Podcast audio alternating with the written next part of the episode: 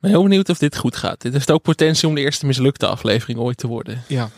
We zitten in eh, Studio 2 voor het eerst. Ja. We zijn gedegradeerd naar een soort van kleedkamer 2. Ja, wel terecht ook, want ik kwam hier binnen en toen zag ik eerst Raoul, Raoul Heertje en toen Chris Segers. En die zaten in de andere studio. Dus Oh, dan ja. kijk, zeg maar, er zijn iets van tien mensen waarvoor je nog plek maakt. En daar horen zij net allebei wel bij. Heb je ze niet meteen gestrikt voor de podcast? Ja, ik, ik dacht wel toen Chris zag lopen, dacht ik, zou ik het meteen vragen. Maar dat voelt ook ongemakkelijk. Zo'n man komt Ja. net uit de podcast opname. Dan denkt hij ook van... eh, Vond je dit ik leuk. Chris? Wil je het nog een Wil keer je nog een keer?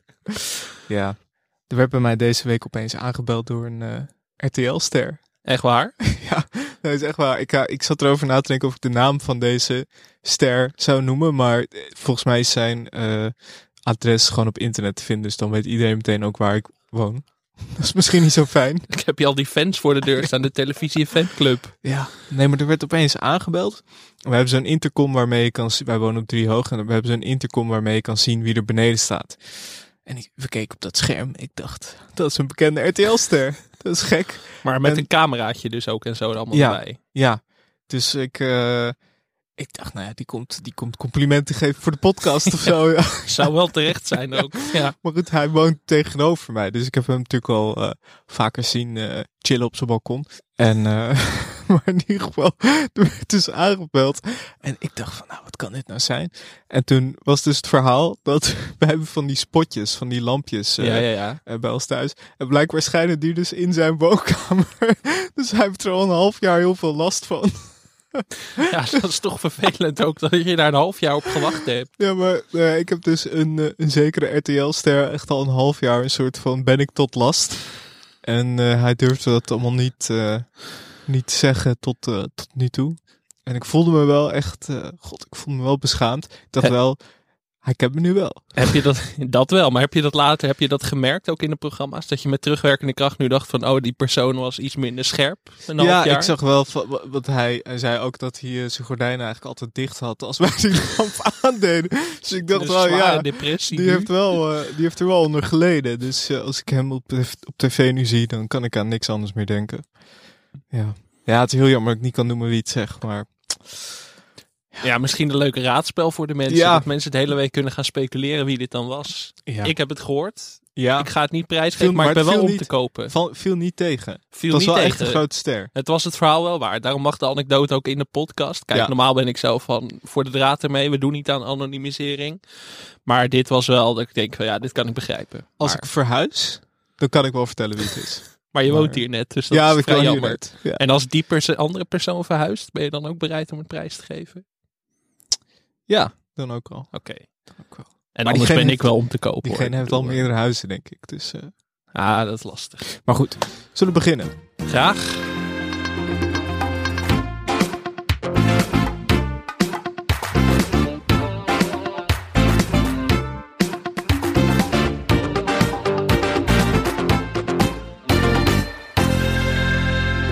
Welkom bij Televisie, de podcast over Nederlandse televisieprogramma's.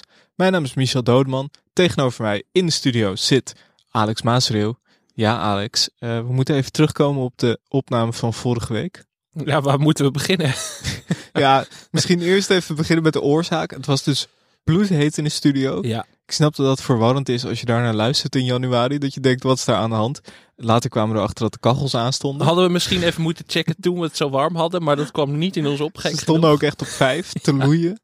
Ik Ehm, weet niet welke podcast er voor ons zat, maar die hadden het heel erg koud, denk ik. Eh, Ja, en we kregen, we kregen allemaal reacties. ehm, heel veel rectificaties vooral ook. och, och. Er is echt, is echt een hoop fout gegaan. Ja, laten we beginnen met de grootste fout, denk ik. Ik ben nog nooit zo vaak gerectificeerd als, eh, als het eh, ging over de weerribben. Ik had gezegd dat het gebied in Flevoland lag. Ik had gewoon op Google Maps ingetypt eh, weerribben. Bleek gewoon een straat in Dronten te zijn of zo. En ik dacht van nou, dat zal wel in Flevoland zijn.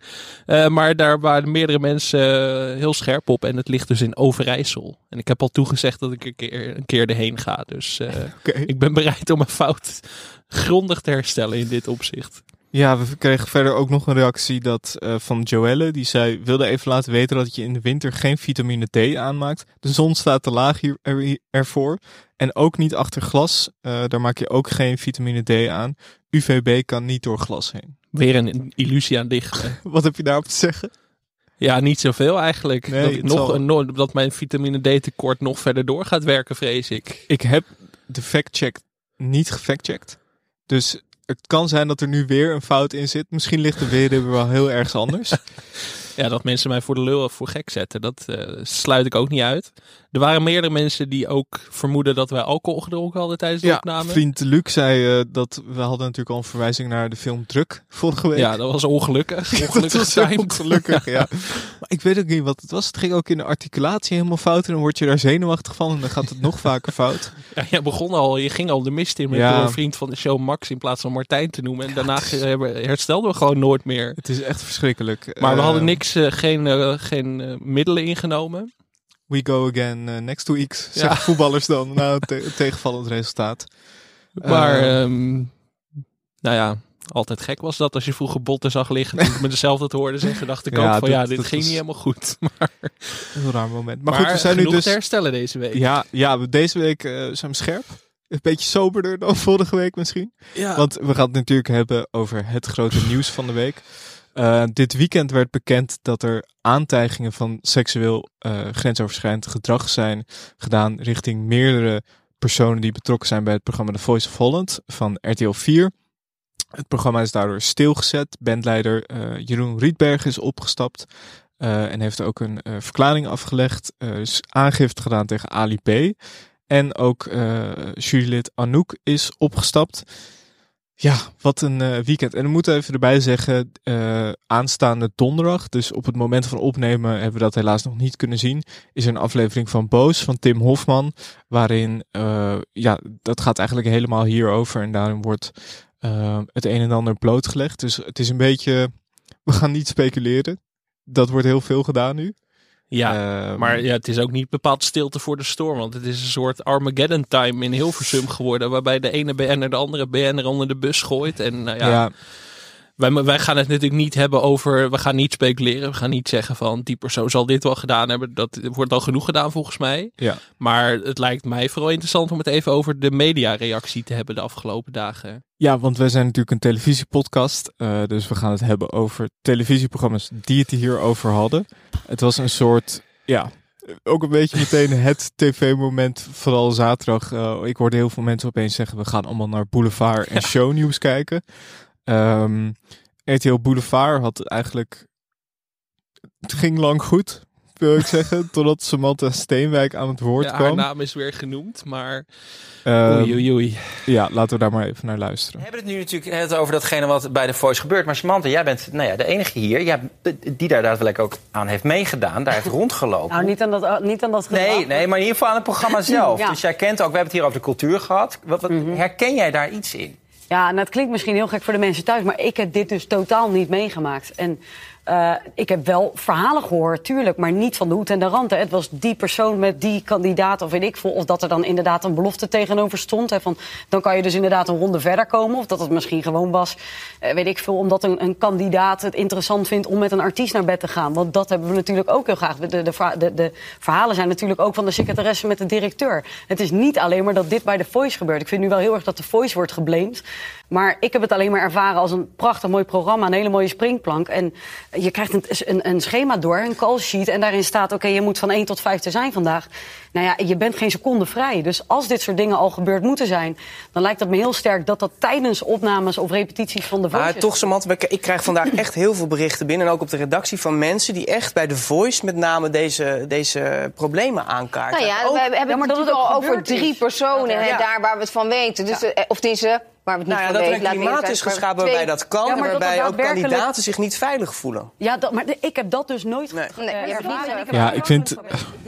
Ik vind echt het verhaal. Ik heb verhalen gehoord, maar niet van de hoed en de rand. Kijk, ik snap dat als jij kandidaat bent, dat het dan moeilijk is om daar iets over te zeggen. Maar ik vond.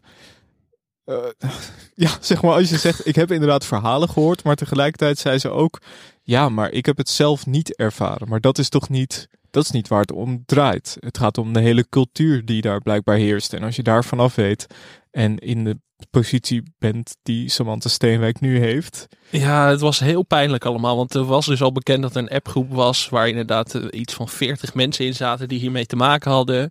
Maar Samantha Steenwijk vond het vooral heel erg dat de Voice nu zo werd geblamed. En dan dacht ik wel van, ah, ja, jij. Ja, want ze zei ook, het is niet dat dit alleen maar bij de Voice gebeurt. En dan denk ik, nee, dat, dat snap ik. Maar dat Ja. is ook wel een beetje echt het probleem. Dat het zeg maar een heel eh, ding in heel, Hilversum is. Of tenminste bij een gedeelte van Hilversum. eh, dat de- deze cultuur blijkbaar normaal is. En eh, ja, Nou ja, en wat zij ook zei, ze zei van ja, dit gebeurt ook bij de directeur en de secretaresse volgens mij, zoiets zei ze. En dat ik dacht van, ja, maar dat gaat hier toch niet helemaal op. Dit is natuurlijk een hele andere situatie ook. met- En ook als het op zou gaan, dan alsnog als er gewoon sprake is van een eh, echt duidelijk scheve machtsverhouding. Want dat werd natuurlijk ook wel, eh, daar, daar werd ook veel over gezegd van ja, moeten we dan ook maar meteen naar shownieuws? Weet je, het dieptepunt van de avond. Ja, want Boulevard deed het verder wel prima. Ik vond dat ze wel eh, duidelijk zelf ook wat onderzoek hadden gedaan en wat mensen hadden gesproken. Dat was iets genuanceerder, los van Samantha Steenwijk dan. Mhm. Maar op zich Rob Gozens en Aram Baden en zo deden dat nog wel redelijk genuanceerd, vond ik. Dat Ja. verdient dan wel weer een pluim. Maar shownieuws was echt een treinramp van ongekende proporties. Ja, Ik weet niet eens waar te beginnen. Nee, eh, voor mensen die shownieuws niet kennen, is een soort investico op SBS. Ehm eh, Natasja Harlekens zat er, Bart Edkoven, eh, Ronald Molendijk en Patty Bart. Ehm het begon al ongelooflijk vreemd, want Ronald is een vriend van Jeroen. Dat werd Ja. heel vaak benadrukt. Gelukkig wel, dat dat wel wordt benadrukt. Dat, wel, ja. Eh, moet ik zeggen. Hij was boos, in shock, eh, maar trots op het persbericht van zijn vriend. Ja, daar, daar, ja, wat hier allemaal gebeurde, weet ik ook niet. Het ging echt heen en weer van. Hij zei: Volgens de wet heeft hij niets gedaan wat niet mag. Nou, dat is natuurlijk een heel makkelijk argument om er tegenin te brengen. Het meest bizarre wat hij heeft gezegd, wat hij, of het meest bizarre wat hij zei was: Jeroen is gewoon een flirt. Dat is natuurlijk, die ging viral dit weekend. Maar hij zei er wel bij dat hij er niet zat om Jeroen te verdedigen. Nee, nee, dat ging niet helemaal goed. Maar Ja, eh, misschien moeten we er maar gaan- even naar gaan Ja. luisteren. Maar gezien worden. Je zei net, ik was woedend. Waar, was je, waar was je woedend op? Nou, mijn grootste woede is dat, dat eh, ehm, je wil gewoon in een vriendschap toch niet dat er geheimen zijn. We hebben allemaal wel geheimen. Eh vreemdgaan gebeurt aan de lopende dag. Ik heb jou de laatst nog een opmerking over ma- horen maken hoe vaak dat gewoon is. Dat is heel veel. Dus shit happens, klaar. Maar dit is van een andere orde.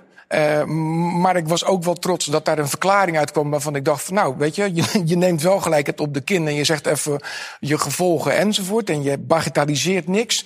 Daar ben ik dan kan ik dat, dat ga ik ook gewoon zeggen, daar ben ik dan als vriend ook trots op. Dat ik gewoon denk, oké, maar je, je neemt dan ook gelijk die stappen om het te doen. Maar de woede, waar was Ja, de woede gewoon dat ik, dat ik voel me natuurlijk verraden. Ik bedoel, muziek... dat hij het niet met je gedeeld heeft? Natuurlijk, maar, eh, als je dat gevoel hebt, dan kan je dat gewoon tegen me zeggen. Hoe Eh, kan het zijn dat jij 25 jaar vriendschap... Ja. Kijk, de verhalen over Jeroen zijn legio. Die hebben Jeroen is gewoon Maar- een flirt, ja, klaar. zo'n ontzettende flirt. Ja. En eh, daar is hij kennelijk, hè, als we de verklaring moeten geloven, te ver ingegaan. Eh als je het bekijkt vanuit het feit dat hij gewoon een relatie heeft met, met Linda de Mol. Ja. Ehm, even hè, want wij kennen natuurlijk de afspraken niet. Maar ik ga ervan uit dat zij geen Tussen, open relatie tussen hebben. De, tussen het stel, want dat kan ja, natuurlijk ook precies. Nee. Maar goed, daar- ik ga er maar even gemakshalve vanuit dat zij geen open relatie Nee. Ja, hierna kwam eh Patty Bart. Die er- die Bart die de uitzending ook begon met... Ja, je wordt toch wakker op zo'n zaterdag. Je denkt lekker vanavond een uitzending maken. En Patty eindigde dat betoog met... Kan het niet meer gewoon gezellig zijn? Ja, ja, als dat je eerste instinct is na zo'n persbericht. nou, ik moet zeggen dat Patty wel meer eh, vreemde instincten en inzichten had. ja, het idee dat een bandleider ervoor zou kunnen zorgen dat iemand verder komt in de talentenjacht, dat vond ze van de gekken. Eh, ook dat er afgesproken zou zijn in een hotel. Ehm, Patty maakt zich ook ontzettend druk over het format. Ja, En John de Mol, daar had ze veel medelijden mee. want we hadden nu eindelijk weer iets wat internationaal aansloeg. Dat ik denk van waarom is dit de discussie op dit moment? Van dit Ja. kun je over drie weken misschien doen, maar niet nu. Ja. Maar sowieso, het ging de hele avond ging het heel veel over de gezinnen van en dit en dat. En ook vind het zo erg voor Linda en voor Ali en zo. En dat was wel, dat ging wel erg sterk tegenstaan, vooral bij shownieuws. Dat het wel heel erg, zeg maar, de BN'ers in een soort slachtofferpositie plaatste de hele ja, tijd. het ging eh, weinig over de echte slachtoffers. Ja. vrijwel niet eigenlijk. En daarom vond ik de rol van Natasha Harleken ook heel vaag in deze aflevering. Ik dacht eerst van die is er dus bijgezet voor misschien het slachtofferperspectief. Om een beetje uit te leggen van hoe dat rechtsstatelijk allemaal zit en zo. Mhm. En die, dat deed ze ook wel.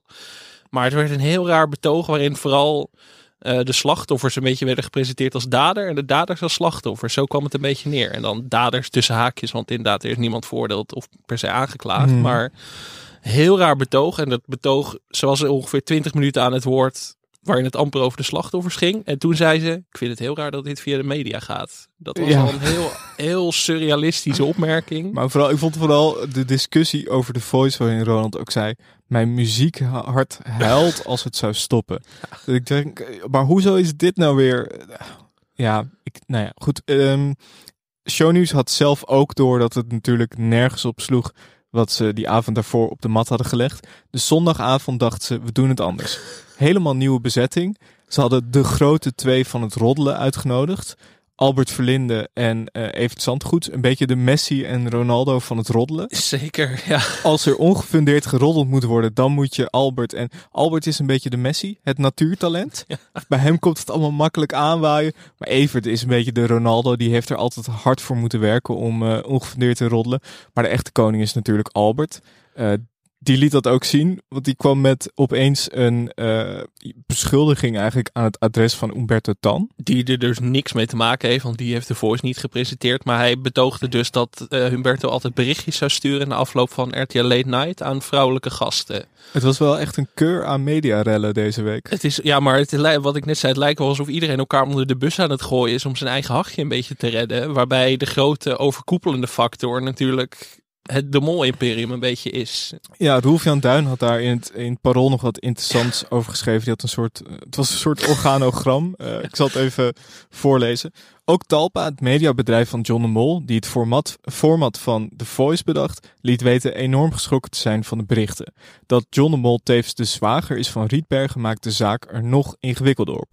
Rietbergen is niet alleen de partner van Linda de Mol, maar ook toetsenist in de band van Marco Borsato en vormde ooit samen met Ronald Molendijk de dance act Solvation, die inmiddels bestaat uit Molendijk en Erland Galjaard, voormalig RTL-baas en inmiddels werkzaam bij Talpa en man van Wendy van Dijk, oud-presentatrice van The Voice. De regie van The Voice was onder meer in handen van Sander Falen, die dan weer de ex van Linda de Mol is.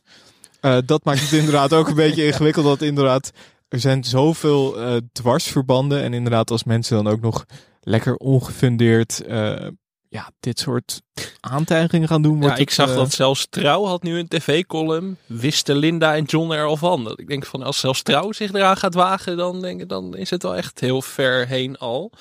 Maar inmiddels heeft Linda de Mol al haar tv-werkzaamheden voorlopig ook stopgezet. Dus dat is ook wel een flink eh, bommetje in de tv-wereld wederom. Ja. Nee, het was echt. eh, ja, ik ben heel benieuwd naar de, naar de uitzending van Boos. ja, we Eh, zitten nu op maandag dit op te nemen. Maar inderdaad, voor hetzelfde geld is er morgen al meer bekend. Ik ben ook heel benieuwd. ehm, half acht begint vanavond weer aan het tweede seizoen. Saillant. Gevoelige timing. Ja. Ik ben heel benieuwd hoe dat ook gaat. Ja, ik, daar ben ik ook benieuwd naar. Ik heb ook wel dat ik denk bij bijvoorbeeld een eh, shownieuws. Toen ik, om daar nog even op terug te komen, toen ik daarnaar zat te kijken, de zaterdagavond, dacht ik ook, ik snap dat jullie het erover moeten hebben.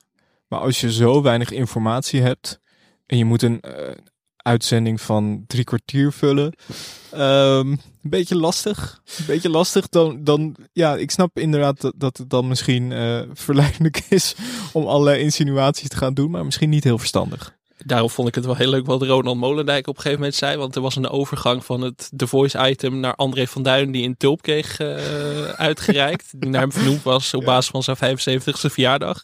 En toen zei Ronald Molendijk, soms vind ik dit zo'n kut format. Hoe kunnen we nou gewoon nog over tulpen gaan praten? dus ik ga vanaf nu mijn mond houden. Wat hij natuurlijk niet deed daarna, maar dat vond ik wel, wel weer geestig. Ik denk Ja. van, misschien hadden jullie het helemaal eventjes niet moeten doen vandaag. Nee, eh, misschien moeten wij. Heb, wil jij er verder nog iets over zeggen? Of zullen we. Nou, volgens mij is alles er wel over gezegd. Ja. Maar ik ben wel heel benieuwd naar de verdere gevolgen die dit gaat hebben. Want dit, eh, Ja, ben- hier zijn we nog niet over uitgepraat om er maar een cliché in te gooien. Zeker niet. Ongetwijfeld eh, zullen we het daar volgende week weer over hebben. Als we de aflevering van Boos hebben gezien. En als je ook een beetje de berichtgeving volgt van de bekende Juice-kanalen. Ik noem een Yvonne Kolderweijer. Dan is ook wel duidelijk dat dit. Nou ja, dat er nog veel meer berichten eh, binnenkomen van mensen, ook over andere programma's. Dus dit zal ongetwijfeld nog eh, eh, veel besproken worden. Ja, je maakt je ook al meteen zorgen. Straks is John Williams de enige die nog bij RTL mag werken. Ik bedoel, Elke avond. John zou ik niet erg vinden. ik ook niet. Zullen we het hebben over iets luchtigers? Ja. Four Hours at the Capitol. Heb je die gezien? nee, is niet luchtig. Wel echt een hele goede documentaire, vond ik.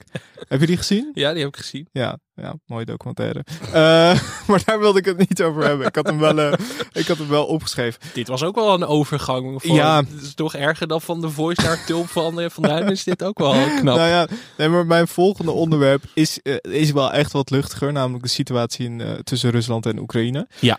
Ik wil het graag hebben over VI vandaag. Daar ging het dus over de situatie tussen Rusland en Oekraïne. Paul de, eh, Paul de Leeuw was tafelheer. Yevgenia Paragina zat aan de bar om eh, het een en ander te duiden. En ik zat te kijken en ik dacht... ehm, het lijkt me leuk om een quizje te doen. Ja, is goed. Ja, eh, de quiz benieuwd. heet...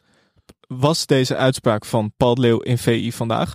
of van secretaris-generaal van de NAVO Jens Stoltenberg? Ik heb eh, de uitspraak van Paul bij VI vandaag eh, dus gelegd naast de uitspraken van Jens Stoltenberg op zijn persconferentie. Ja. We gaan gewoon beginnen.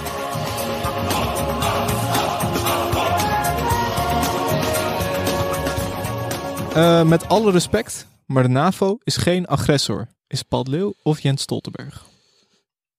Paul de Leeuw. Ja, goed. Oef. Heel knap. Heel knap. Elk land heeft het recht om zijn eigen pad te kiezen. Ja, dit klinkt genuanceerd, dus dan ga ik voor Jens Stoltenberg. Dat is eh, weer goed. Oeh. Wij willen absoluut geen oorlog. Ja, je zou zeggen allebei, maar Stoltenberg? Nee, Paul, Leeuw. Ah, Paul de dat vind ik mooi van Paul. Ja, humanist in hem. Eh, we moeten voorbereid zijn op dat Rusland weer de confrontatie gaat zoeken. Dit klinkt diplomatiek, dus dan ga ik weer voor Stoltenberg. Ja, heel goed. Jens Stoltenberg. Eh, Rusland is een agressor. Paul? Ja, Paul. Ja. Nou, Zo, nou, Niet slecht, hoor. er zijn grote verschillen tussen onze landen en Rusland over deze problemen. Stoltenberg? Ja, vind ik goed. Zo. Ja, onze landen klinkt niet als iets wat Paul de Leeuw zou zeggen, denk ik. Nee. Is Nee. Toch, eh, toch die diplomatentaal, hè? Zie je toch dat die politicologie-achtergrond me heel ver brengt ineens. Even kijken. Ehm, het is een positief teken dat Rusland aan tafel is gaan zitten. Paul de Leeuw? Jens Stoltenberg. Ah, jammer. Ik had hem een beetje getweakt, Ja. zodat hij... eh, ja. De laatste. Eh, Rusland ziet zich wel als een grootmacht. Ja, Paul de Leeuw. Strikvraag, René van der Gijp. Ja, ja nee, heel goed. Ja, ja dat was eh, een bijzondere aflevering van eh, VI vandaag. Over treinrampen gesproken. Dit was echt een van de gekste dingen die ik ook weer gezien heb deze week. Je denkt van, daar komt niks meer overheen. Toen moest dus de hele The Voice dan nog komen. Maar een hele surrealistische discussie. We kunnen wel even een heel kort fragmentje laten horen, denk ik. Groningen, Groningen en Limburg. Nee, alleen Limburg. Gaan we Groningen even vragen. Nee, we hebben Polen en Roemenië. Dus we hebben Polen en Roemenië aan de zuiden. Dus we nemen nu eh, Groningen en Limburg. Daar worden Russische raketten geplaatst. Voelen jullie je veilig? Jullie denken, oh, we hebben een probleem. En morgen wordt eh, Nederland aangevallen, toch? Maar de vraag was eh, welke ro- raketten van de NAVO zouden dan van de raketten van Rusland zouden bij- in Limburg en Groningen staan? Wat was nou? Of waren het raketten van de NAVO? Nee, van de Nee, nee, nee, van Rusland. Maar kijk, Rusland is natuurlijk is een, het is, is een agressor. Ja, dus Nou. zo, zo ervaart Rusland ook eh, raketten van Amerika. Nee, na- met alle respect, NAVO is niet een agressor. Absoluut niet. Ja, maar als die Poetin nou zo last heeft van die raketjes daar, dan haal je ze toch weg? Haal ze weg! Haal ze weg! Wilhelmus van. Nassau. Ongelooflijk. Over het plaatsen van raketten bij Limburg ging het op een gegeven moment. Ja. Ik weet niet hoe we hierop uitkwamen, maar Op een gegeven moment was Paul de Leeuw ook nootjes naar de mond van René van. Gijp. Oh, olijven. Olijven naar de mond van eh, René van der Gijp aan het schieten. Eh, ja, dit belooft heel veel goed voor de rest van VI vandaag. Ik heb de hele week gekeken. En? Ja, je moet toch een afgewogen oordeel. Nou ja, het is alles wat je verwacht eigenlijk van het trio Gené Derksen en Van Gijp. De gastenkeuze vrij wild, heel erg uiteenlopend. Eerste dag was Eusjan Akjolder. Nou ja, dat is meestal wel goed. Veroorzaakte wel meteen een relletje met Geert Wilders. Dus meteen Mhm. eh, spraakmakend. Tweede dag Wouter de Vries, de broer van Peter de Vries, econoom. Derde dag de Belgische viroloog Mark Ja, van Ranst. Zat hij daar? Ja. Oké. maar daarom is die keus, gastenkeus zo uiteenlopend en wild. Eh, donderdag dus Paul de Leeuw en vrijdag Ebru Oemar. Volstrekt logisch rijtje. Ja, dat belooft, eh, belooft veel goed. Maar eh, wel een kijkcijfersucces. En Zeker. dat is toch dan wel weer knap. Ik denk dat dat vooral komt omdat dit programma een hele nieuwe doelgroep aanspoort. Die niet per se voor Bo of op één gaan inschakelen. Het is misschien ook wel een beetje de nieuwigheid. Dat mensen benieuwd zijn. Ja, maar dat ja, dus er was wel. De eerste dag zaten ze boven een miljoen kijkers. En daarna zakt het wel iets daaronder. Maar nog steeds wel 800.000, 900.000. Wat ik nog steeds wel veel vind. Meer dan op één volgens mij hadden ze dan de afgelopen week. Het is toch wel verrassend. En het is wel qua gastenkeuze dus. Het is inderdaad dat iemand als Mark Verans er ook gaat zitten. Is ook Mhm. alweer opmerkelijk. Maar, Maar goed, die wist misschien ook niet wat het is. Nee, hij kende het wel, zei hij. Oh, Dus echt? eh, ja, het is nu wachten tot Ab er gaat zitten weer een keer. Ja, Maar- ja, leuk. Maar ja, het is natuurlijk alles wat je verwacht van het programma. En kijk, Johan Derks heeft volgens mij elke avond gezegd wat hij over Mark Rutte denkt. Dat, dat wist ik wel dinsdag. Dus Mhm. ik denk van nu kan ik dit ook zeggen en doen alsof ik Johan Derks ben. Nou, ik denk dat er wel met een hele The Voice-rel... dat eh, daar natuurlijk mensen heel benieuwd naar zijn. Ik denk dat John de Mol aanpakken. heel erg zit te zweten in zijn kantoor deze ook, maandag. ja. dat, eh, Of zouden ze genuanceerd zijn? Dat, nee, daar dat kennen we ze niet. natuurlijk wel van. Hè? Ja. Van, de, van de nuance. Ik denk dat er veel flauwe grapjes worden gemaakt. Maar tegen de tijd dat mensen dit horen is die uitzending al geweest. Dus dan is dat waarschijnlijk al bekend. Maar nou, eh, waarschijnlijk zal het nog wel de hele week doorgaan daarover. Dus eh, Dat denk ik ook wel, ja. Dit is, eh, maar goed, eh, VI vandaag. Dus ehm, ik weet niet of het een blijfje voor mij is. Maar ik denk dat het dus wel een hele nieuwe talkshow doelgroep heeft aangespoord. heb je verder nog iets gezien deze week? Ja, nee, het werd allemaal overschaduwd door dit eigenlijk. Ik bedoel, ik wou nog even misschien Arie Boomsma bij M was een glansrijk optreden. over de sportscholen die weer open moesten. Ja. Verder niks over te zeggen eigenlijk. Maar gewoon Arie Boomsma bij M. Kijk dat even terug. Zou ik zeggen. Er waren wel meer dingen van M die deze week terug kon kijken. Eh, we gaan snel door. Daar durf ik me niet meer over uit te laten. Nee. Eh, genoten ook van Ernst Kuipers. Ja. Schermpje erbij. Nou, het was... eh, opeens ging het leven. Toch lekker dat Na je na twee twee jaar. jaar. pandemie denkt. Weet je wat we gaan doen? Grafiekjes. Ja, en ook niet zo... Ook, het waren ook niet, eh, niet één soort grafiekje. Taartdiagrammetje. Ja, ja, grafiekje, ook er was iemand helemaal landen. losgegaan in Excel. Die dacht van, ik ga nu echt even mijn kans grijpen. Ik vond het jammer dat hij niet zo'n klikker had, weet je wel. Ja, Ernst. Kuipers, dat was echt leuk geweest. Dat het ook niet zou werken. Dat Ernst Kuipers daar zo staan, zo op die knop te Het had, het, het had wel, ook met de vraag na afloop, had het wel wat weg natuurlijk van een hoorcollege. Ja. Ja. Er waren ook heel veel mensen die zeiden van, kunnen we de slice na afloop toegestuurd krijgen? Vond ik leuk. Het is ook wel leuk als er dan zo'n soort werkgroepje is van de NOS en SBS. Die moeten dan samen de vragen meeschrijven en zo. Tentamen maken na afloop. Ik vond het wel lullig voor Irma Sluis, die toch weg, weggedegradeerd is nu naar een schermpje onderin. Ja, ik dacht ook, waar, waar staat ze dan? Ja, dat vroeg me ook af. Heeft ze thuis zo'n ruimte dus met zo'n met zo'n speciale achtergrond gekregen? Maar vond ik toch lullig. Ik bedoel, we zijn toch ook gehecht geraakt aan Irma? Nee, ik zou ook wel, als ik iemand moet kiezen om weg te doen, ik zou als laatste Irma doen. Ja, dan zou Ik zou eerder eerst- Rutte of zo. Die heeft nu zijn kans wel gehad. want Die Ja, heeft in een schermpje. Nou goed, ja, Ernst, Ernst Kuipers. Ja, verder vond ik het... Ja, ik heb wel wat dingen gezien. Marble Mania, dus ook weer met het VI Vandaag trio. Mhm. Eh, we gaan het binnenkort uitgebreider over Marble Ja. Mania hebben. Als de darters zijn langsgekomen. Als de darters zijn langsgekomen. Maar dat was ook vrij surrealistisch allemaal. Ja, Ja, vooral, eh, vooral het moment daarna. Dat Ja. zeg maar Marble Media net was afgelopen en dat je de heren van VI een soort van voor, zich, uit- voor een uit zag staren en naar beneden zag kijken. En dat was een beetje El Chiringuito, dat Spaanse tv-programma met een soort van al die journalisten die aan het huilen zijn en aan het schreeuwen zijn en aan het dansen zijn. Zo voelde dat echt voor mij. Maar Marble ja, we moeten het daar binnenkort maar over hebben. Maar het is zo'n absurd programma. Maar dat gaan we wel even teasen. Dat eh, Ja. moet nog even twee Ja. weken wachten. Ik heb eh, verder nog gekeken naar Reference Man. Ja, oh, waar we het vorige goed. week Ja. over hebben gehad. Ja, eh, en het was echt heel goed. Dat zou ik echt aanraden. Dat was ook nog een rectificatie. Je had ook nog de Twitter-handle van Charlotte Werkman verkeerd genoemd. maar nee, echt serieus een goede documentaire. Dus ga dat, of eh, documentaire reeks moet ik zeggen. Ik vertrouw volledig op jouw objectiviteit in deze. Dus ik Ja. ga het deze week ook even terugkijken. Ja. Eh, verder heb ik ook nog gekeken naar het programma Wat een Stel. Tenminste, we kregen daar een, eh, een berichtje van, van Nathan. Die zei dat, eh, die zei nou ja, jullie moeten het echt even hebben over Wat een Stel. Het is ehm, bijzonder.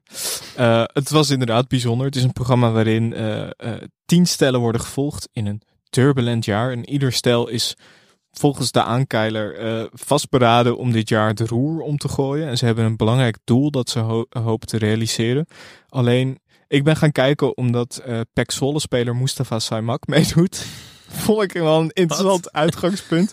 nou ja, het is op zich wel voor, het letterlijk voor een goed doel. Want ehm, hij en zijn vriendin Malika eh probeerden om minstens 10.000 euro op te halen eh, voor een vluchtelingenkamp in Somalië. Mhm. Eh, dan denk je, oké, misschien zijn het tien, zeg maar, van dit soort verhalen. Van stellen die zo'n doel hebben. Ja. Maar er zijn ook mensen die gewoon willen afvallen en gezonder willen leven. Er is ook een mannelijke pornoster genaamd Petertje. Die zijn doorbraak hoopt te maken als pornoregisseur. Maar was zijn pornonaam Petertje? Want Ja. dat is toch niet heel gelukkig, lijkt me. Nee, ik zou Peter zou ik doen. Maar ja, Petertje. En eh ja, het is een best wel een raar programma. Het is ook een beetje matig bekeken. Eh, ik snapte niet zo goed. Ik, ik snapte het gewoon niet zo goed. Ik snap de aanleiding wel een soort van. Maar ik vind het idee om tien stellen te volgen al wat veel. Ja. Het is allemaal ook, ook qua uitzendschema schema vond ik het raar. Het was eh hele vreemde. Volgens mij is het ook alweer afgelopen inmiddels. Het is echt een hele vreemde gewaarwording. Maar dank voor de tip, eh, Nathan. Maar geen kijktippie voor het televisielegioen dus? Of eh, zou je zeggen van toch maar een kans Mm, geven? Nee, sorry. Geen kijktip. Zo. Keihard. Genadeloos. Ja, maar je moet de mensen ook wel een beetje sturen. Want ik bedoel, het is veel wat er allemaal te zien is. Dus we moeten ook gewoon eerlijk zijn. Als je tegen mij zegt Marble Mania of wat een stel, ga ik voor Marble Mania. Ja, ben ik het wel mee eens. Heb Ja. jij verder nog eh, iets gezien? Ik viel ineens weer in Flikken Maastricht afgelopen vrijdag. Toch blijven hangen. Eerste twee afleveringen. Tycho Gernand als de bad guy. Leuk. Verder niet zo heel veel over te zeggen. Maar dat is toch 16 seizoenen. Still going strong. Toch even een shout-out naar Victor en Ierno. Nog steeds gewoon goed? Nog steeds gewoon goed. Goed. Je groeit toch op met dat programma. Dus dan, ik had al vijf seizoenen niet meer gezien of zo. Maar je merkt toch, hoeft niet eens zeg maar helemaal al die seizoenen weer op te pikken. Ik zit er gewoon weer meteen in. Maar ga je volgende week ook kijken? Ja, misschien. Weet ik nog niet. Als ik op vrijdag niks te doen heb. Ja, oké. De vrijdagavond zij rustig in Hu- Huizen Maasreel. Ik Ja. sluit het niet uit. Flikker Maastrichtavond. De hele buurt, kom langs. Eh, zullen we gaan naar het nieuws van de week? Ja. Daar hebben we het natuurlijk al een beetje over gehad. Maar er is ook nog, nog belangrijker nieuws. Eh, Jack van Gelder is dit seizoen te gast in Dit Was Het Nieuws. Leuk. Ja. Zin in. Nieuw seizoen begint op eh, 24 februari op NPO 1. We weten niet precies wanneer Jack komt. Maar gaan we dat nabespreken? Ik zou teleurgesteld zijn als Harm Edens hem niet aankondigt. Jack van Gelder, dames en heren. Als hij Ja. dat niet doet, zou ik zwaar teleurgesteld zijn in Harm. Nou, ik hoop wel dat er ook gewoon een microfoontje ligt. Ja, ja. Nou ja, dat mag ik toch hopen. Als Peter Pannenkoek luistert, vriend van de show, dan moet hij dat wel even fixen. Dat Ja. hij stiekem zo'n microfoontje onder de tafel legt. Gouden microfoon. Eh, verder nog ander nieuws. Stromae gaat volgende week optreden bij Matthijs gaat door. Dat eh, nieuws werd gebroken door onze vrienden van POM. Heb ik ook heel veel zin in. Eh, toch weer wel weer de Matthijs factor. Bij Matthijs komt iedereen langs. Geweldig. Ik heb er heel veel zin in. Nog ander raar nieuws. Of nou, niet raar nieuws. Het is gewoon nieuws. Maar er werd nogal verbaasd op gereageerd. Eh, er komt een nieuw seizoen van het programma Bevallen met Bobby op eh, TLC. Eh, er staat dat het in de zorg momenteel erg druk is, is geen geheim. Maar sinds de coronacrisis is er ook sprake van een ware geboortegolf. De hulp van Bobby Eden komt dan ook als geroepen voor de verloskundigen en ziekenhuizen. Bobby loopt in een nieuw seizoen van Bevallen met Bobby mee in diverse ziekenhuizen. En we zien hoe zij ouders bijstaat tijdens het mooiste en intiemste moment van hun leven. De geboorte van hun kindje. Ik vind vooral de zin, de hulp van Bobby Eden komt dan ook als geroepen voor de verloskundigen en ziekenhuizen. Alsof ze een soort van met de handen in het haar zitten Ja. van, wanneer komt Bobby Eden weer helpen? Een soort moeder Teresa van de verloskundige. Ja, de, de- dit programma blijkt dus al te bestaan. Ja, aangevraagd door vriendin van de show Emma Curvers. Ja, het, het, het bestaan hiervan was mij een beetje ontgaan. Mij ook. Ik moet zeggen, ik zit niet heel goed in de bevallen met Bobby eh, universe. Ik zit ook niet dagelijks eh, naar TLC te kijken, moet ik ook eh, toegeven. Maar ja, ik ben wel. ik ben vooral heel benieuwd naar gewoon de reacties in het ziekenhuis. Of mensen dan echt gaan klappen als Bobby. Daar is ze weer hoor. We komen hierop terug als het wordt uitgezonden, denk ik. We gaan Ja. het wel even een, een kans geven. Ja, ja. Had jij verder nog nieuwtjes? Eh, nou, ik vond de aangekondigde gasten voor het nieuwe seizoen van Sterren op het Doek eh, interessant. Vooral omdat Peter Plasman een van de gasten was. Oké. De- Wat een opvallende keus. Ja, Zijn er sterren op? dat denk ik. Maar Peter Plasman ook advocaat van Jeroen Rietbergen. Dus die was Oh. volop in het nieuws. Eh, is het al opgenomen of niet? Weet ik niet. Anders kan je er donder op zeggen Eus, dat Eus erna even een een sneertje uitdelen. Ehm, Maestro afgelopen. Klap. Spoiler alert voor de mensen die niet willen weten Mhm. hoe Maestro is afgelopen. Simone Kleinsma heeft het gered tot de finale. Ben ik toch blij mee dat ik die aandelen heb vastgehouden. Ja. Niet gewonnen. Nee. Sor heeft gewonnen. Ja. Gefeliciteerd. En als Simone nou een keer dat trauma wil verwerken, is ze altijd welkom in deze studio. Ja, als het er nog een keer een uur met ons over wil hebben, dan eh, zou dat eh, prima kunnen. Eh, Ik zag een quote van Johnny de Mol. Klaar voor het tweede seizoen van half acht. We hadden het er net al even over. Half acht? Half acht. Ik wil meer de diepte in. Nou, die kans krijgt hij vanavond in ieder geval. Ehm, Maar hij wil, meer, hij wil toch juist niet de diepte in in het eerste seizoen, dacht ik. Dat was toch juist een beetje het eh, unique selling point. hij wil minder gasten en toch wat meer diepere gesprekken. Dat is toch. eh, hij wil die sfeer wel gezellig houden, maar toch wel de, binnen die gezelligheid iets meer de diepte. Misschien dat kruisverhoor wat langer. Ja, dat, lijkt me wel leuk. Of die Ja. muzikale gasten grotere rol geven. Ja. Dat lijkt me leuk. Leuk. Eh, ja, ik, ik zat dus. Dat, was, dat, is niet, eh, dat is niet geloof, maar ik zat een stukje van The Voice te kijken vrijdag ook. Nee. Ja, Het is een eh Ja, heel kort. van televisie weer hoor. misschien wel. Want weet je wie ik daar zag lopen achter de schermen? Peter Lussen. Nee. Oftewel Eddie uit Vrienden voor het Leven. Die was dus zangcoach, geloof ik, van zanger Jeffrey Schenk. Is hij zangcoach? Ja, of hij werd ondersteund door hem of zo. Ik, had het heel, ik had het heel snel eventjes gezien. Ik dacht, Peter Lussen, dat is leuk om maandag even te bespreken. Maar nu is Peter Lussen dus gewoon een hoofdrolspeler geweest in de allerlaatste voice-uitzending ooit. Ook heel surrealistisch. Dus ja, dat vond ik toch nog even de shout-out waard. Ehm, ja, Clem, de Clem, serie, krijgt ja. een bioscoopfilm. ja, ongelooflijk hè. We hebben Frank Ketelaar net gesproken. En dat vertelt hij dan dat weer niet. vertelt hij dan weer niet. Kijk, normaal ben ik niet zo fan van series die dan een film worden. Maar ja, Frank is toch een beetje vriend van de show. Dus de- ik ben heel benieuwd. Speelt zich af in Italië. Ook mooi dat hij gewoon nadat hij bij ons te gast heeft, toen pas heeft hij natuurlijk groen licht gekregen. Zeker, dat denk ik wel. Ik vind, vind ook dat wij wel op setbezoek mogen komen Ja. in Italië. Zou ik leuk vinden. Ja. Dus eh, onze Leuk. lijn staat open. Heel leuk.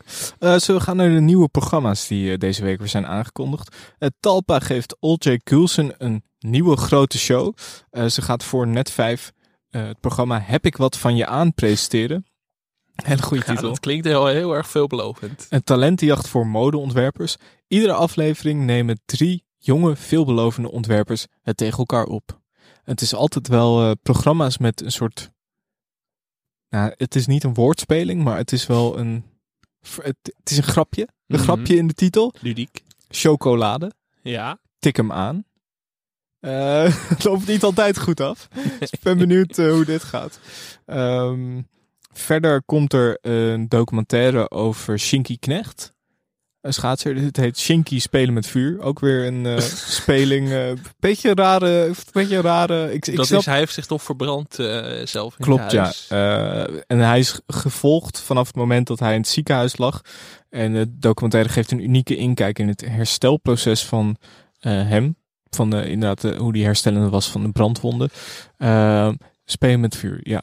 Bijzonder. Het is weer schrapen met nieuwe programma's, als Het ik dat is, mag eh, zeggen. Ik heb ook namelijk niks eigenlijk. En Nee, ik, ik had er zelfs nog een, maar daarvan dacht ik, die ga ik gewoon bewaren. Want misschien is volgende week weer niks. Eh, zullen we dan naar het formatje gaan? Ja, ik ben heel benieuwd. Ja, dit is wel weer... Ja, je kijkt weer trots. Dus ik ben heel... eh, ik zit... eh, Titel? Met Erik op de brommer. Erik Dijkstra neemt BN'ers mee naar hun geboorteplaats. Terwijl ze bij Erik achterop zijn brommer zitten, ondergaan ze een ware trip down memory lane. Gastenlijst: Frank Evenblij, Fidan Ekis, voormalig minister van Justitie en Veiligheid Vert Grapperhaus, ja, ja, Tom ja. Waas, Etcilia Rombly en eh, Maarten van Rossum. Poh. Ja? Dream Team. Ja. Ja, nee, ik ben... Maar hoe, wat vind je van dat beeld? Achterop, bij- op de, achterop de brommer bij Erik? Ja, dat zou wel kunnen werken. Ik vind Erik heeft echt een brommer-presentatorhoofd.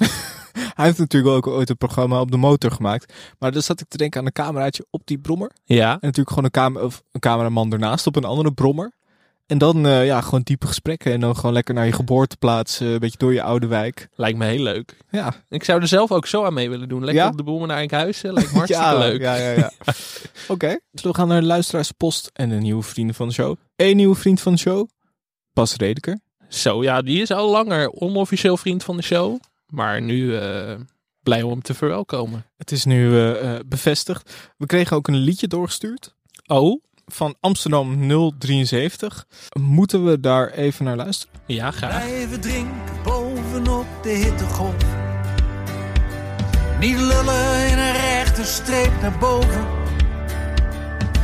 Ik kijk om, de tijd heeft stilgestaan. En ik zie mezelf gaan. Kom maar bij je vader in het wiel. Waar de wind niet met je speelt, maar jij wel met de gedachte. En dat er boven zoveel Ja, je hoort het al, hè? op je Ja, wat kan die man niet? Oprecht. Ja, in het wiel. Stream in het wiel eh, van Leo. Leo. Wat een Echt zijn jaar. weergaloos. Echt zijn jaar. Eh, nog iets wat we moeten benoemen. We hebben namelijk een tijdje geleden voor het eerst fysieke post gekregen. Ja, Fysieke luisteraarspost. heel leuk. Echt wel een een paar tijdje- maanden geleden. Maar Ja, wel echt een tijdje geleden al. Maar eh, dat hadden we nog helemaal niet benoemd. Eh, het was een, een brief, of eigenlijk een kaart van Vincent Streep. Die zei, beste Alex en Michel, hartelijk bedankt voor het antwoord op mijn vraag. Deze aflevering van de Hokjesman is welke ik zocht. Ja, had dus gevraagd welke af, eh, ja, welk programma dat was. En het was de Hokjesman. En eh, daar hadden wij het antwoord op gegeven. En heeft hij een kaart gestuurd. Superleuk. vind ik heel leuk. Mogen meer mensen doen? Ja. Ja, het was een... eh, ja, mogen meer. Hartverwarmend, zou ik Ja. willen zeggen. Het is een beetje een slecht verhaal. Ik legde het niet echt goed uit. Maar Nee. dat, kan, dat kan gebeuren. We kregen ook nog een bericht van Alana Jans. We hebben het een tijdje geleden natuurlijk gehad over het Big Pennetje. Ja, Het pennetje dat roleerde bij presentatoren was onder meer gezien bij eh, Gijs Groenteman. Alana stuurt: Hallo, eh, ik heb vanmiddag aflevering 53 beluisterd. Altijd leuk hè, als mensen gewoon eh, waar ging die over? down the road. Geen idee. En ik geniet nog steeds van jullie podcast. Erg leuk. Jullie hadden het over Gijs en zijn pen. Nu zag ik een verdwaalde pen bij iemand waarbij je het totaal niet verwacht. Nicky Plessen. Zo. En als de modekoningin van RTL Boulevard een pen gebruikt als accessoire, dan moet het wel een trend zijn Ja. die we moeten volgen. Ehm, en nu stuurde ze ook nog een update. Ze zag dat de eh, blauwe Big Pen ook gebruikt werd door Wilfred Gené bij VI Vandaag. Ja, ja, ja, ja. Hij is Hij- weer helemaal terug. Hij is bij de commerciële aan het roleren. Eh, Alana is vanaf nu onze penwatcher.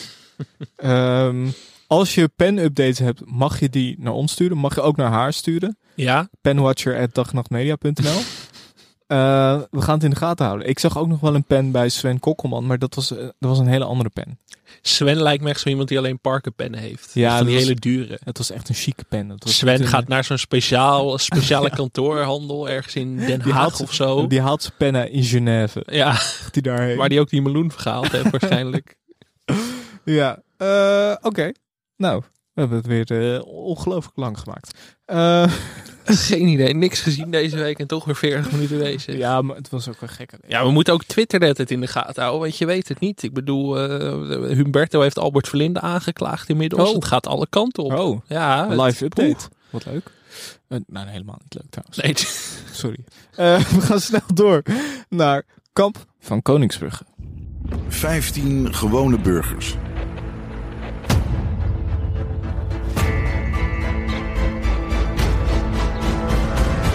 In de uitdaging van hun leven.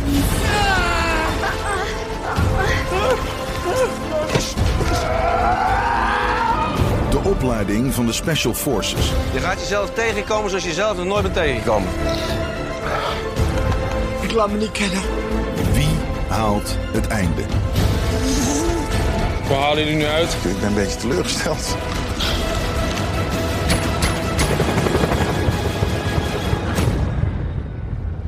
Kamp van Koningsbrugge is een programma waarin 15 gewone mensen deelnemen aan de opleiding van de Special Forces, speciaal getrainde militaire eenheden. Ze moeten onder leiding van commando's Ray en Dai veel speciale loodzware oefeningen uitvoeren.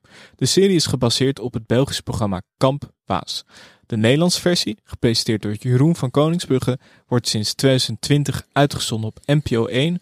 Het tweede seizoen loopt op dit moment. Ja, die werd eh, aangevraagd door Ivar. Eh, hij zei: Tip voor televisie, graag jullie deskundige kijken op Kamp van Koningsbrugge en Kamp Waas. Actueel omdat eh, de eerste ook weer terug is op tv. En Tom Waas ook een tweede seizoen overweegt te maken. Kamp van Koningsbrugge. Had je het al eerder wel eens gezien? Nee, we hebben het er voor, voor mijn gevoel heel vaak over gehad, maar ik had er nog nooit echt een seconde van gezien. Ik weet niet waar dat vandaan kwam, maar mijn interesse was wel aangewakkerd. Ik heb het laatst natuurlijk gehad over Special Forces VIPs. Daar moeten we Mhm. het straks nog maar even wat uitgebreider over hebben.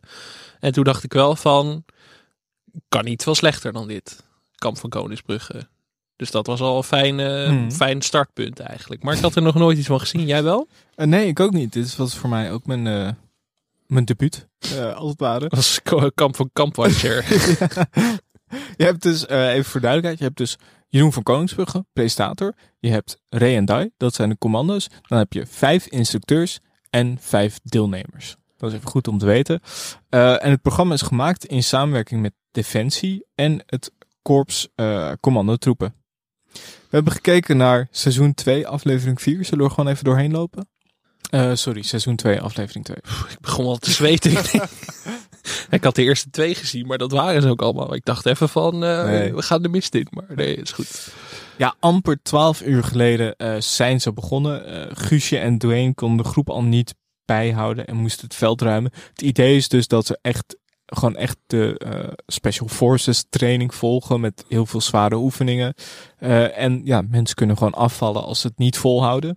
Ehm, wat mij al meteen opviel, er zit een beetje zo'n grauwe filter overheen. Zeker, heel erg uitgepakt met drones ook en zo. Ja. Dat zie je natuurlijk al vaker de laatste jaren. Echt, dat, dat, ma- filmmakers houden, of programmamakers houden zich niet in met drones. Nee. De hele tijd. Maar ik weet niet wie deze eh, regisseur is, maar het is een soort van de anti-Wes Anderson. Allemaal Ja. lekker grauw. Ja, maar dat zit ook wel in de toon. Want er mag, eh, als er gelachen wordt, dan ben je de lul in dit nee, programma. dat mag niet. Eh, ze werden, de deelnemers werden geconfronteerd met de kernwaarde eer. Er werd ook gezegd, het wordt heel oncomfortabel. Je moet zelfredzaam zijn. Eh, het idee was dus, ze moesten zwemmen in eh, koud water, water van 17 graden. Niet zomaar zwemmen. Ehm, ze moesten allerlei oefeningen doen. Ze moesten duiken, met hun kleding aan zwemmen. Er moesten geweren gedragen worden bij het zwemmen. Ja, je ziet al snel dat de ene eh, kandidaat hyperventilerend eh, eh, spartelt. De ander gaat kopje onder.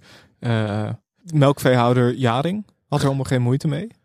Ja, ik zat me af, is 17 graden nou zo koud? Of dat klonk, het klonk minder koud dan het misschien was. Maar dat, Ja, maar dat dat, wordt is natuurlijk het makkelijke van dit programma. Dat je heel erg makkelijk denkt van...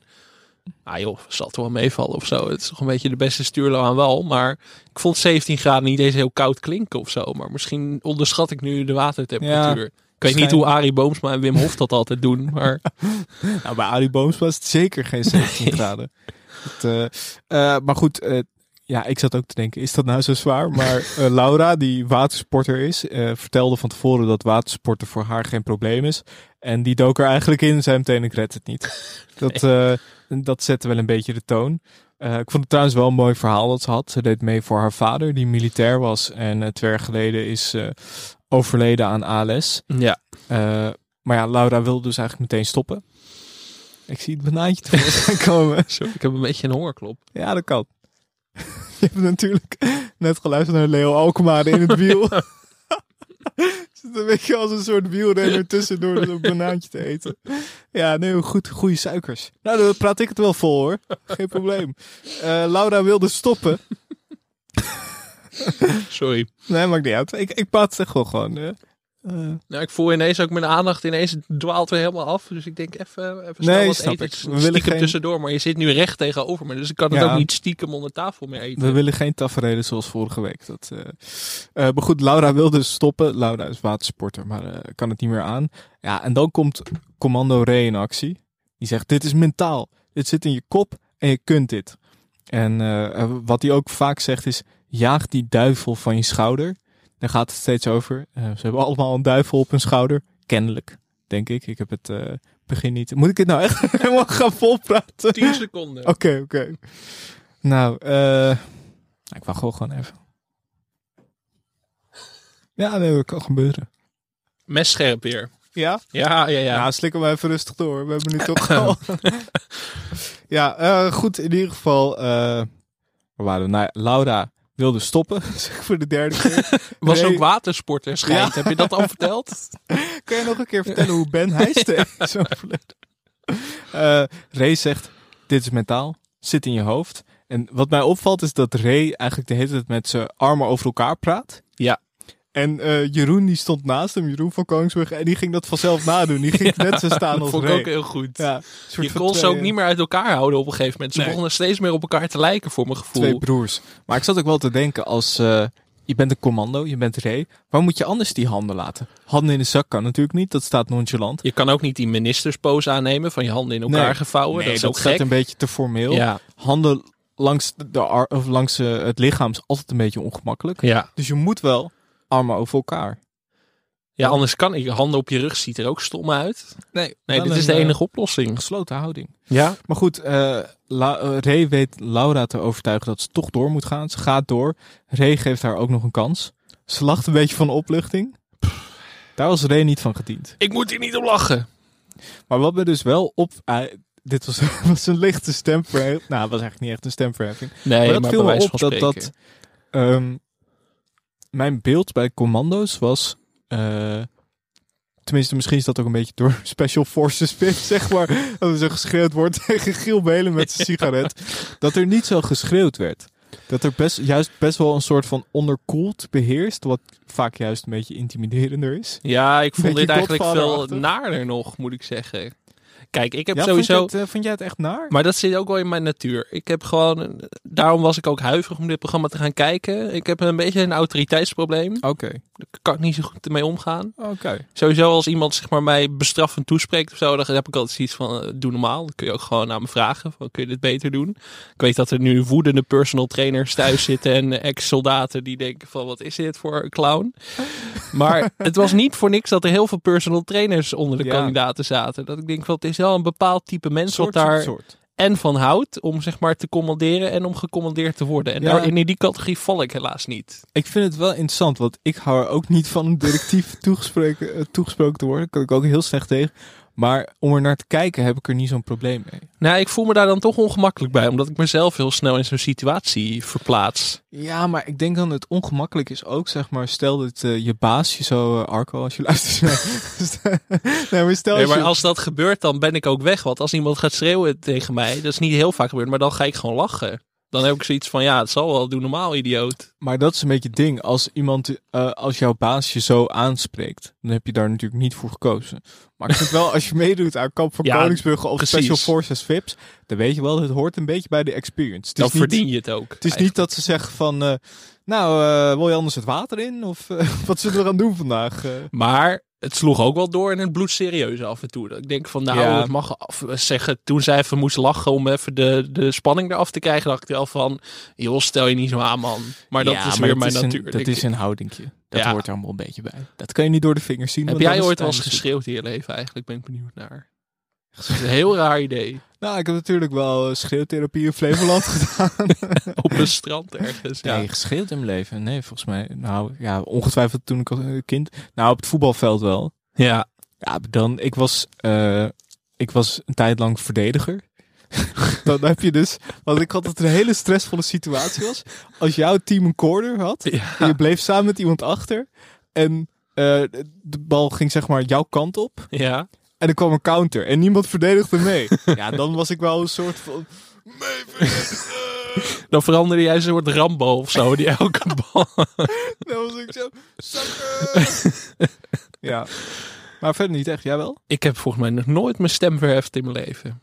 Nou, Nee, nooit. echt niet. Ook niet als kind. Ook niet, in- ook niet toen je aan het zaalvoetballen was. Ik was als kind altijd al heel rustig. Oh. Ik altijd van, ah, doe eens normaal, doe, doe eens lekker rustig. Het is, het is maar een spelletje. Nee, nee, dat zit gewoon totaal niet in me. Er zijn ook heel veel podcasts waar jij dan nooit zou kunnen aanschuiven. Zoals wat dan? Nou, nee. nee, jij zou bijvoorbeeld ook nooit radio-dj kunnen worden. En we gaan nu luisteren naar Billie Eilish. Als er iets gebeurt. Nee, what the fuck. Ja. Wat? Ja, ik zou het wel kunnen, maar ik vind het gewoon een hele gekke reflex. Dat is ook wel een hele rare ontboezeming. dat jij nog nooit in je leven geschreven Nou, daar moest ik aan denken bij dit programma. Toen zat ik zelf terug te denken van, heb ik dat zelf al eens gedaan? Toen kon ik me echt geen moment... Misschien als er mensen luisteren uit mijn jeugd die zich een moment kunnen herinneren, mogen ze dat doorgeven. Maar Nou, in Zo. Enkhuizen gaan er nu wel verhalen rond hoor, denk ik. De beerput gaat open. Eh, ondertussen zien we veel hyperventilerende mensen. Iemand krijgt kramp in zijn benen.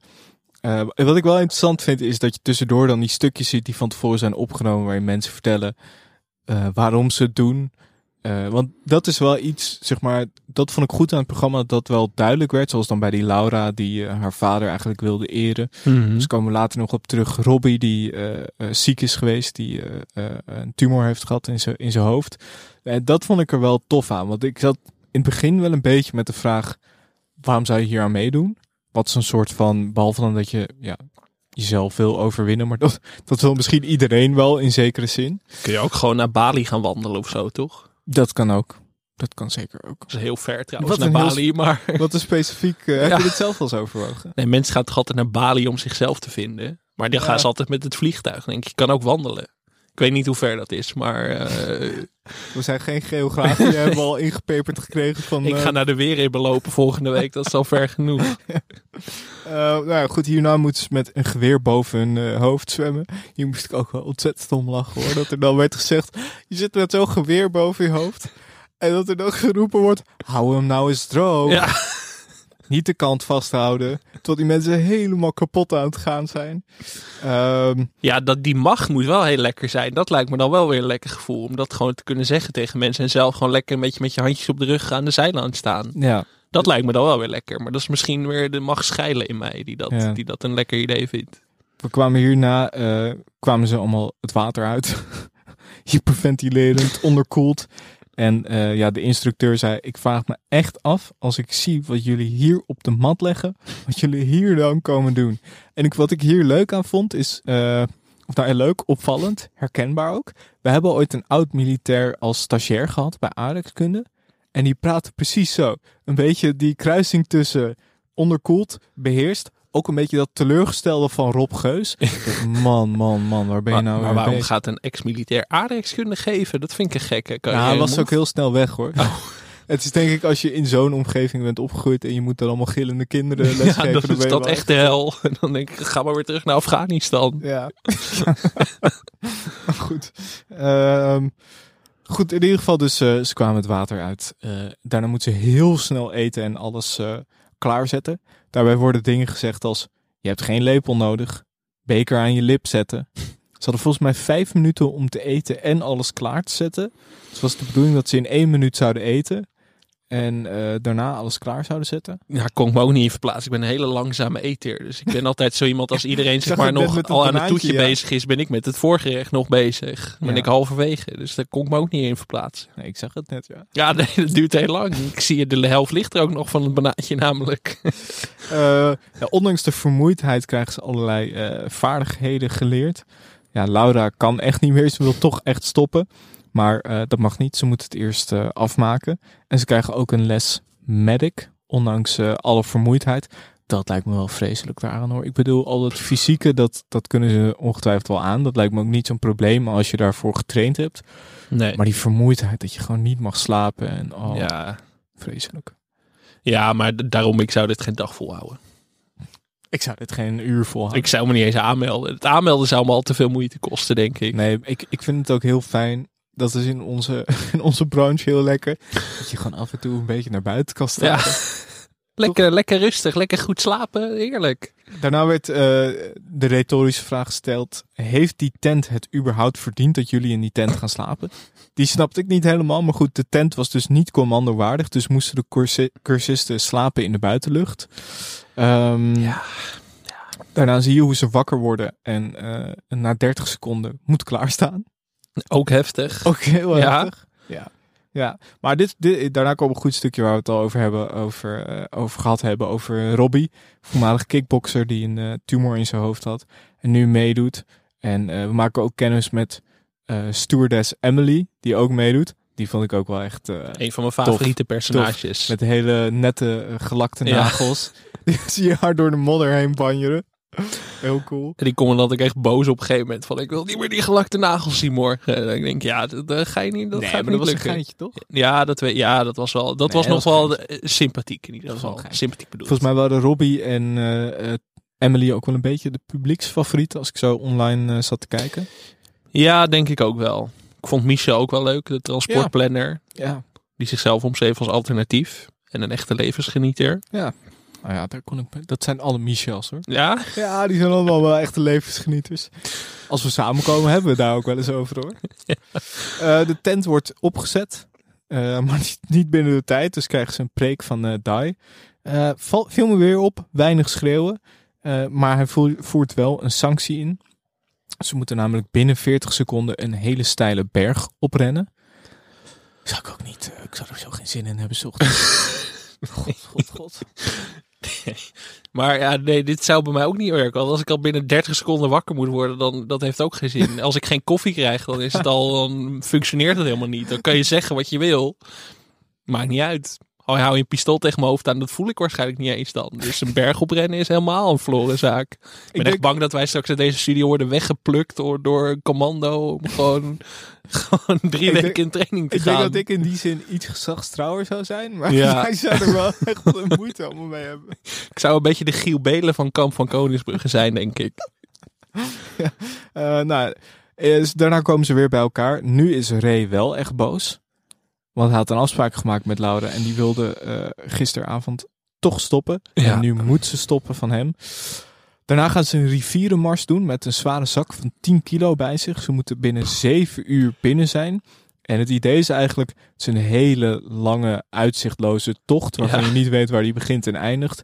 Door modder, door rivieren heen. Nou, noem het maar uitzichtloos. Maar dus Michel zei, je loopt door de zon, je loopt over de keien, je loopt door de blubber. Dat is genieten. Ja. Die had het echt naar zijn zin. Die denkt van, nou, ik vermaak me eigenlijk wel. Dat is, dat is ook wel een beetje de kern, denk ik, van dit programma. Dat je echt een soort van. Je moet heel zen hiervoor zijn. Ja. Eh, Je moet niet veel gaan nadenken. eh, want dan eh, komt weer dat duiveltje op je schouder. Ik vond ook Mo, vond ik ook Ja, een hele heel leuke. goed, ja. Die werd op een gegeven moment, die was bezig met die rivierenmars. Die werd aangesproken door Jeroen. Ja. Zat ook in een compleet andere wereld. Ja, dat Eh, was heel goed. Jeroen vroeg, eh, heb je Midas ingehaald? Toen zei Mo, ja man, sowieso, let's go. En even later vro- vroeg hij aan iemand anders, hoe gaat het? En die ander zei, ja, zwaar man. En Mo zo, oké, nice, kan ik er langs? Ook een heel, hele goede dialoog. Ja. En, eh, ja, het idee was dus inderdaad een uitzichtloze situatie creëren. De een ging daar beter mee om dan de ander. Eh Robbie ging daar bijvoorbeeld heel goed mee om. Die vertelde dat hij niet alleen loopt. Eh, hij liep namelijk met God, want hij is eh, religieus. Vooral Robin en Emily hadden het erg zwaar. Er werd aan Robbie gevraagd, hoe heb jij gelopen toen hij binnenkwam? En Robbie's antwoord was, hard. Ja, ja. Ook erg sterk. Echt een beetje Ben Kramer Ja. hoor. Ja, leuk. Hoe het uiteindelijk is afgelopen, dat zien we niet. Cliffhangertje. We volgende week pas. En daar, dat zag er wel allemaal heftig uit. Ja. Ik zag, eh, ik zag veel, eh, eh, ja, veel medische hulp, laten we dat zo zeggen. Ja, dat, ja, dat is wel een beetje mijn ongemak met dit programma of zo. Ik, ik, ik balanceerde wel de hele tijd een beetje op dat hellende vlak van... vind ik het nou leuk om hier naar te kijken of heb ik er ook moeite mee? Want je ziet die deelnemers wel echt lijden. En dat vond ik niet heel prettig om te zien altijd of zo. Maar ze, doen het, ze willen het natuurlijk zelf, dat is een beetje het Nee, ding. maar Maar, dat- het dat was een beetje de dansmarathon all over again. Ja, nou wat ik dus, ik vond het eh, best leuk om naar te kijken. En ik denk ook wel echt, eh, ja, het is inderdaad wel echt lijden. Maar dat is van tevoren ook wel heel duidelijk. Er wordt wel echt heel duidelijk steeds benadrukt. Dit Ja. is de zwaarste training van de training. Eén blik op Cool leert dat ook wel. Dus ik denk ook niet dat ze van tevoren hadden verwacht dat het fluit. Kijk, ik bedoel, natuurlijk als, eh, als je met een brancard wordt weggedragen, dat is nooit de bedoeling. En dat kan natuurlijk echt nooit fijn Had, zijn. had, heeft Kamp van Koningsbrugge net zo goed medisch team als de dansmarathon, denk nee, je? dat denk ik niet. Want volgens mij heeft dit medisch team ook niet Maart van der Weijden Nee, dan ben je sowieso reddeloos verloren natuurlijk. Ja, dus eh, nee, maar zeg maar, omdat, ja, het is, volgens mij is dat gewoon ook wezenlijk onderdeel daarvan dat je jezelf moet overwinnen. En nogmaals, ik zeg niet dat het eh, allemaal erbij hoort dat je in het ziekenhuis belandt, integendeel. Maar eh, je weet wel dat het loodzwaar is. Dus daarom heb ik, en daar, dat heb ik hetzelfde met zeg maar de manier van aanspreken. Je weet wel van tevoren dat het erbij hoort. Nee, En dat is waar, niet- maar- Volgens mij doen ze het niet om een geldprijs of iets. Nee, het is meer voor hunzelf. Maar het is gewoon, ik vond het best wel zware kost. Er was gewoon zo weinig Dat ruimte wel. voor een beetje ontlading. Ik, had- ik heb zo'n moment altijd wel even één keer nodig in 55 minuten. Dat ik even, Ja. even een moment zo. Ook een ingetogen Jeroen van Koningsbrugge. Ja, hoe vond je dat die het deed? Eh, ja, vond ik wel goed. Eh er wordt natuurlijk dan altijd meteen gezegd, ja, maar de Belgische versie is beter. Maar Ja, Jeroen eh, van Koosbrugge is natuurlijk een beetje de Nederlandse Tom Waas. nou ja, ik vond het wel grappig, want ik zat te denken, waar zit dan die link tussen Jeroen en zeg maar dit geheel. Maar zijn vader was marinier. Jeroen heeft zelf ook een toeles- toelatingstest gedaan voor de mariniers. Werd ook goedgekeurd. Maar uiteindelijk werd hij ook toegelaten tot, tot de toneelschool en is hij daarvoor gegaan. Maar dat vond ik wel een leuke achtergrond. Omdat ik daar vroeg ik me een beetje vanaf van eh, wat is Jeroens band hier zelf mee? En eh, ja, dat soort dingen. Ja, je ma- het maakt als kijker niet heel veel uit, maar het is toch leuk om te weten. Ja, en hij moet toch een beetje ook een soort steun zijn voor, die, voor de deelnemers, lijkt me. Maar toen Laura inderdaad moest opgeven, zei Jeroen, wel een beetje teleurgesteld. Ja, dan kijk, komt het extra hard binnen hoor, als. Jeroen dat zegt. Ijskoud. Wat mij opviel is dat dit programma echt heel populair is. Niet alleen qua eh kijkcijfers is het ook populair. Maar vooral ook online. Bijvoorbeeld op Instagram hebben ze 43.000 volgers. Viel mij ook op dat veel van de reacties natuurlijk zijn altijd eh, reacties van mensen die lacherig doen. Bijvoorbeeld over Laura, de watersporter. Ja, maar dat is denk ik ook de voornaamste aantrekkingskracht van dit programma. Is natuurlijk die stuurlauwe wal waar ik het net al zei. Dat je heerlijk Nou, kan genieten van maar- mensen die zich moeten, die moeten leiden of zo voor ons genot. Dat wel, maar ik, wat ik eigenlijk nog wil zeggen is dat het me juist heel erg meeviel. En dat ik ook heel veel zag eh, online dat mensen heel erg een soort van let's go, je gaat het redden. Dat, dat Oh, mensen ja. echt een soort van best wel support ervaren en ook duidelijk wel favorieten hadden. Ja. Het is echt niet, en ik moet zeggen dat alle deelnemers er eigenlijk, natuurlijk door de situatie waarin ze zitten, ze hebben van tevoren hebben ze best wel eh, grote woorden Mhm. over dat ze het allemaal gaan redden. Maar het is niet dat je denkt, ze worden geen moment onsympathiek of zo. Nee, dat vond ik wel belangrijk eraan. Want dat, dat is wat het onderscheidt alweer van Special Forces VIPs. Daarbij heb je natuurlijk al een soort van connectie, bestaande connectie met de deelnemers. Daarbij heb je al een Giel Belen. Je hebt al Giel Belen. En ja, Marcel van Roosmalen had er vorige week een hele goede column over in de NRC. Van je moet Giel Belen gewoon in de zee flikkeren of zo. Dat was de kop die erboven stond. En ja, daar kijk je wat liever naar. Dat Giel Belen wordt uitgescholden dan inderdaad een transportmanager uit, eh, uit Friesland of zo. Mhm. Dat, daarom vind ik dit programma wel veel beter dan Special Forces VIPs. Ja, ja, ik heb Wat ook idee- veel meer sensatiegericht is dan Kamp van Koningsbrugge. Precies, dit is, ik heb het idee dat eh Special Forces VIPs heb ik ook wel wat van gezien. Eh, ik zal niet eh, ontkennen dat ik daar ook af en toe wel van heb genoten. Zeker met zo'n Giel Belen. Maar het is inderdaad wel veel meer sensatie eh, gericht. Vorig seizoen waren er vier van de 15 mensen die het haalden. Ik ben heel benieuwd hoe dat dit seizoen gaat zijn. Er zijn dus al twee mensen afgevallen. Je zag al nou ja, dat het met een aantal mensen niet zo goed ging. Ehm, daar ja, ben ik heel benieuwd naar. Je las ook wel in de verhalen van mensen die eraan mee hebben gedaan. Dat ze het echt wekenlang echt moesten bijkomen. Dat ze gewoon niet konden werken ervan. Nee. Zo zwaar was het. Ja, conclusie is wel dat ik, ik, ik zou hier nooit aan meedoen. Dat is wel... eh, nee? Nog maar even een keer benadrukken. Mensen hoeven me niet te benaderen. ik weet, zeg maar, de mensen vechten om mij, om naar deelname aan tv-programma's. Maar Kamp van gewoon, Koningsbrugge hoort daar niet bij. Liever gewoon 50-50. Dat lijkt me wel fantastisch. Ja. Als dat weer terugkomt ooit. Hoe heet dat programma? De laatste vraag of zo? Nee, de eerste vraag, laatste vraag. Oh, First eh Last. First La- First ja, Last, ja, ja. zoiets met Martien Meiland en Britt Dekker, ja. Ja. goed format ook. Maar ehm, nee, ik vond het interessant kijkexperiment, maar ik weet niet of ik hier zeg maar wekelijks klaar voor zou zitten. Daarvoor vond ik het toch Ja, niet prettig genoeg of zo. Ik ga het wel, eh, ik ga het wel echt volgen. Ik vond het wel, eh, ook omdat ik wel be- benieuwd ben wat er nog gaat gebeuren. Ik zag dat er vorig seizoen bijvoorbeeld ook ging parachute springen. Dat sla ik even over. Dat zou ik dan wel weer leuk vinden. Ja? Ja. ik zie echt die verbazing in jouw ogen. dat lijkt mij Heb dus jij hoogtevrees? Ja, heel erg. Oh ja, dat, dat is on- on- onhandig. Je mag mij echt, je mag mij 80 keer zo'n berg opjagen. Ze mogen jou Maar- twintig keer die rivieren flikkeren en Dat- eh, je kapot als ik, schreeuwen. als ik zou moeten kiezen tussen 20 keer 7 uur de rivierenmars of één keer zo'n vliegtuig uit, dan weet ik het wel hoor. Oh nee, dan ga ik wel echt door het parachute springen. Hoeven mensen me ook niet voor te benaderen trouwens. Dat, eh, Zit daar niet de formatje nee. in? Parachute springen met sterren. Wel leuk. Ja. Betty Bart. Ja. Samantha Steenwijk. Ook leuk.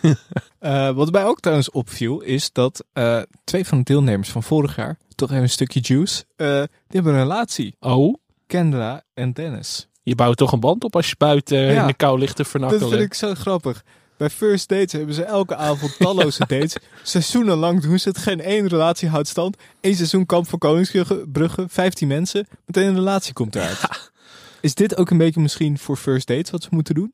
Ja. De omstandigheden zwaarder maken? Nou, ik ben daar sowieso voor opdrachten toevoegen. Misschien een home trainer in plaats van gewoon een stoel? Nou ja, dat je gewoon in beweging bent tijdens je date de hele tijd. Ja. Dat je de schilderij van Freek de Jong of zo eh opnieuw mars ophangen. richting de tafel. Leuk. Ja.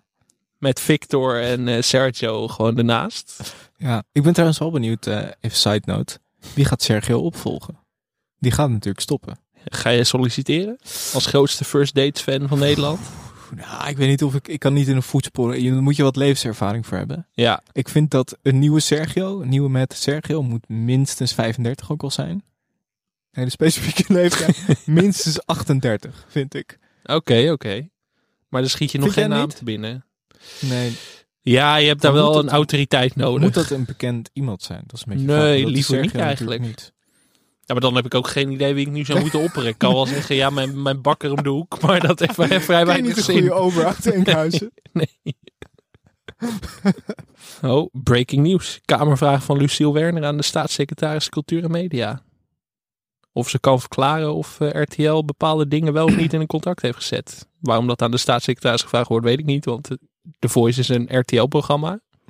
Maar toch goed dat ze dat even wil verklaren. Toch even breaking news. Toch even breaking news. We zijn nog geen uur, nee, we zijn nog meer dan een uur aan het opnemen. Toch al twee updates. Ja. Kun je nagaan hoe snel het gaat? Wou het scherp in gaan. Maar Kamervraag van Luciel Werner, dan weet je dat je op moet passen. Ja. Ze was er helemaal klaar mee. Oh, Samantha Steenwijk door het stof naar lompe uitspraken. Ook breaking news. Eén minuut geleden binnengekomen. Het spijt me. Oké. Nou, dat is een live rectificatie voor onze kritiek dan. Ja, oké. Dat maakt de uitspraak niet minder dom. Het maar spijt goed dat mij als mijn woorden verkeerd zijn overgekomen. Eh, Wat ik bedoelde is dat ik niet zelf op een verkeerde of vervelende manier ben benaderd. En dat ik ook niet weet of wist welke ervaringen andere kandidaten hebben gehad. Rondom enige vorm van seksueel overschrijdend gedrag of machtsmisbruik. Nogmaals, het spijt me echt als mijn woorden verkeerd zijn overgekomen. Ik vind het ontzettend verdrietig voor alle slachtoffers. Oké. Nou, wel een mea culpa. Ja. Nog steeds een domme uitspraak, maar inderdaad wel goed dat ze dat zelf ook toegeeft. Ja, oké. Nou, fijn dat we het nog wel even in de, in de uitzending eh, ook benoemd hebben. Ja? Voordat we daar natuurlijk allemaal weer Ik woedende durf bijna niet meer te stoppen zo, want het, is, Ja. eh, het nieuws Nou, hou- komt van alle kanten houd, binnen. Houd live blog er maar naast. Nee, maar voordat we allemaal woedende reacties binnenkrijgen. Mensen die zeggen, eh, Samantha is al door het stof gegaan. Bij deze. Bij deze. Nou goed, eh, Kamp van Koningsbrugge. Ik ga dus nog gewoon verder kijken. Jij wil uit de parachute of uit het vliegtuig springen.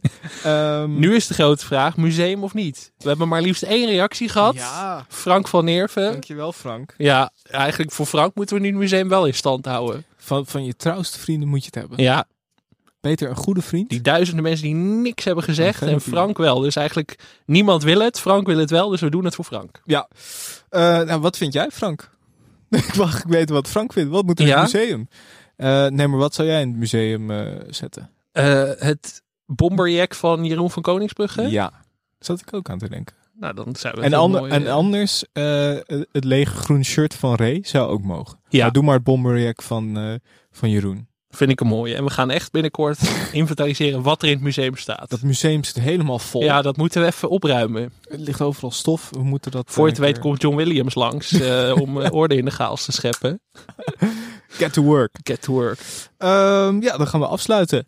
Wat we trouwens wel even moeten zeggen. Deze week zijn we er weer met weekendtelevisie. Ja, we gaan dat iets anders aanpakken. Dat Elke week we- twee afleveringen is een beetje eh, Too much. too much. Dus we zijn een beetje aan het kijken hoe we dat vorm gaan geven. Ja, ja, dus we zitten ook nog een beetje te kijken wat er gebeurt met de televisietips voor het weekend. Eh, maar in ieder geval Ja. deze week wel weer een weekend televisie. Ik denk dus dat we om de week dat gaan doen. In alle hectiek en hitte van maandag zijn we dat vergeten te benoemen. Ja, we moesten eigenlijk een week bijkomen. Daar kwam het op neer. eh, zodat we hier weer scherp konden zitten. Ik bedoel, anders zit je twee keer op halve kracht. En nu zitten we één keer op hele kracht, zoals je zag. Ja. Ja. Of hoorde.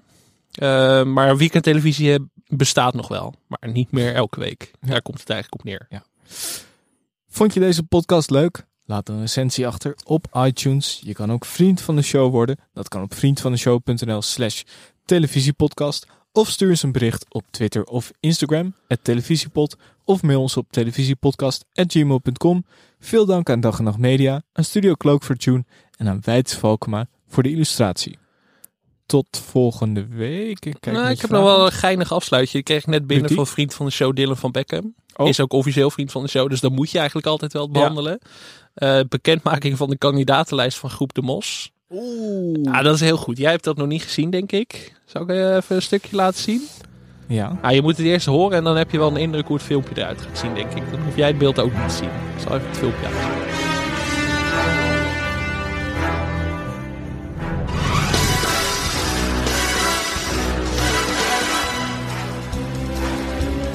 Hebben jullie nu een idee? Ja, ik heb een idee. Ja ja dit is goed hè. Nummer 2, Rita Verdonk. Back to work. Niet rechts, niet links, maar recht recht voor zee. Ja. ja, heel goed dit. Het leuke aan dit filmpje is, we zien dus alle kandidaat-raadsleden die zich dus als het ware James Bond aankondigen in het James Bond logo. En dit filmpje, hoe lang denk je dat dit filmpje duurt? Twee minuten. Vijf minuten, 4 Oh, minuten jezus. 26. Ongelooflijk. 24 kandidaten die zich allemaal op deze manier voorstellen. Ongelooflijk. Ja, Zou Leo Beenhakker zich ook zo hebben voorgesteld voor 50 plus? Nou, die is twee dagen daarna weer gestopt. Ja, ja. Dus ik ben blij dat hij dat niet gedaan heeft. Nee. Eh, maar ja, regionale politiek. Mijn vader is natuurlijk ook lijsttrekker van een lokale partij. Ik sluit niet uit dat hij een terugkerend rubriekje wordt de komende tijd. misschien eh, stemmen te ronselen? Dat denk ik wel. Ja, hier moeten we wel echt eventjes een, eh, een thema-uitzending rondom gaan maken. Ja, want eh, hier, dit le- alleen dit al. Ja. Dit gaan we nog wel even delen ook op de socials deze week. Maar dit is al een goede aftrap. Dit gaat vaker terugkomen in aanloop naar de gemeenteraadsverkiezingen.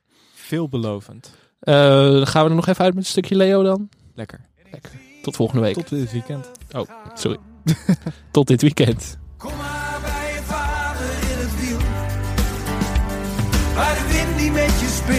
maar jij wel met de gedachte. En dat er boven zoveel moois nog op je staat te wachten. Dus kom maar bij je vader in het wiel. Kom maar bij je vader.